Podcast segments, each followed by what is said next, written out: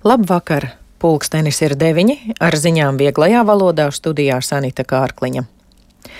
Rīgas doma šodien pieņēma pašvaldības budžetu, kura ieņēmumi šogad plānoti par vismaz 140 miljoniem eiro lielāki nekā pērn.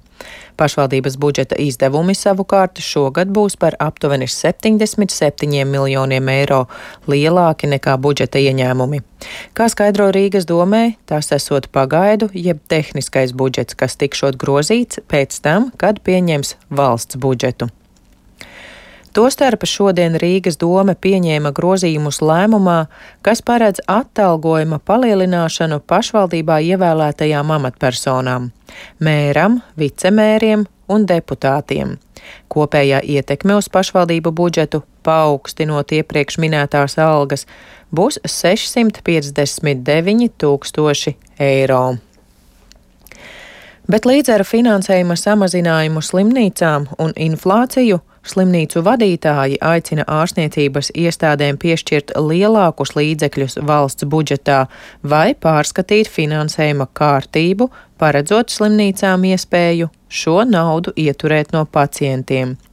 Kā Latvijas radio sacīja slimnīcu biedrības vadītājs Jevgeņijs Kalējs, slimnīcām šogad piešķirts krietni mazāks finansējums nekā nepieciešams.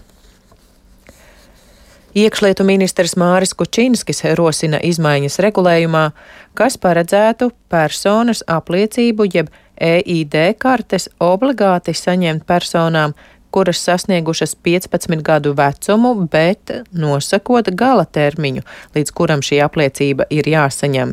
Šobrīd likums nosaka, ka EID karte jāsaņem līdz 1. maijam. ASV piegādās Ukrainai 31 tanku Abrams, to apstiprinājis arī ASV prezidents Joe Baidens.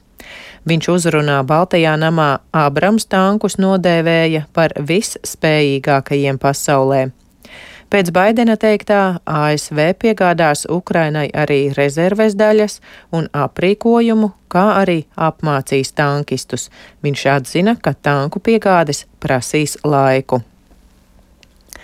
Aizdomās par vēstuļbumbu nosūtīšanu Spānijas premjerministram un Ukrainas vēstniecībai Spānijas policija aizturējusi kādu 74 gadus vecu vīrieti.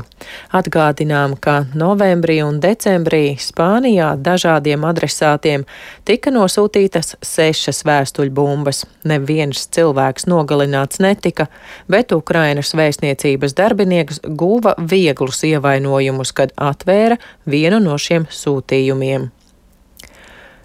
Ukrainas prezidenta Volodomīra Zelenska vienotības dienas uzruna ir pārraidīta arī Krievijas federālajos telekanālos Belogorodas apgabalā un okupētajā Krimā, tā vēstīja Ukrainas mediji notikusi satelīta telesignāla nesankcionēta nomaiņa Maskavas laika joslas raidīšanas teritorijā, kas, nu, lielākajā daļā vājo vietu esot likvidētas, tā sacīja apgabala pārstāvis. Maskavas pilsētas tiesa šodien nolēma likvidēt Krievijas vecāko cilvēktiesību organizāciju Maskavas Helsinku grupu. Lēmuma pieņemšanai un likvidācijas prasības apmierināšanai bija nepieciešama tikai viena sēde pēc būtības un mazāk nekā 20 minūtes. Startautiskā olimpiskā komiteja aicina pētīt veidus, kā Krievijas un Baltkrievijas sportistiem atgriezties sacensību apritē. Vairums konsultācijās iesaistīto pušu piekritušas, ka saskaņā ar Olimpisko hartu ir jāciena visu sportistu tiesības.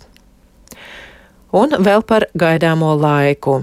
Ceturtdien lielākoties kurzemē un vidzemē būs neliels lietus, atkala, vietām arī sniegs, bet stiprāki nokrišņi gaidāmi piekrastē. Ceļi daudz viet apledos, vietām veidosies migla. Pūtīs lēns līdz mērens dienvidrietumu vējš, gaisa temperatūra būs no mīnus 3 grādiem Latgalē līdz plus 4 grādiem kurzemes piekrastē. Rīgā rīt apmācies laiks un gaisa temperatūra 0,2 grādi.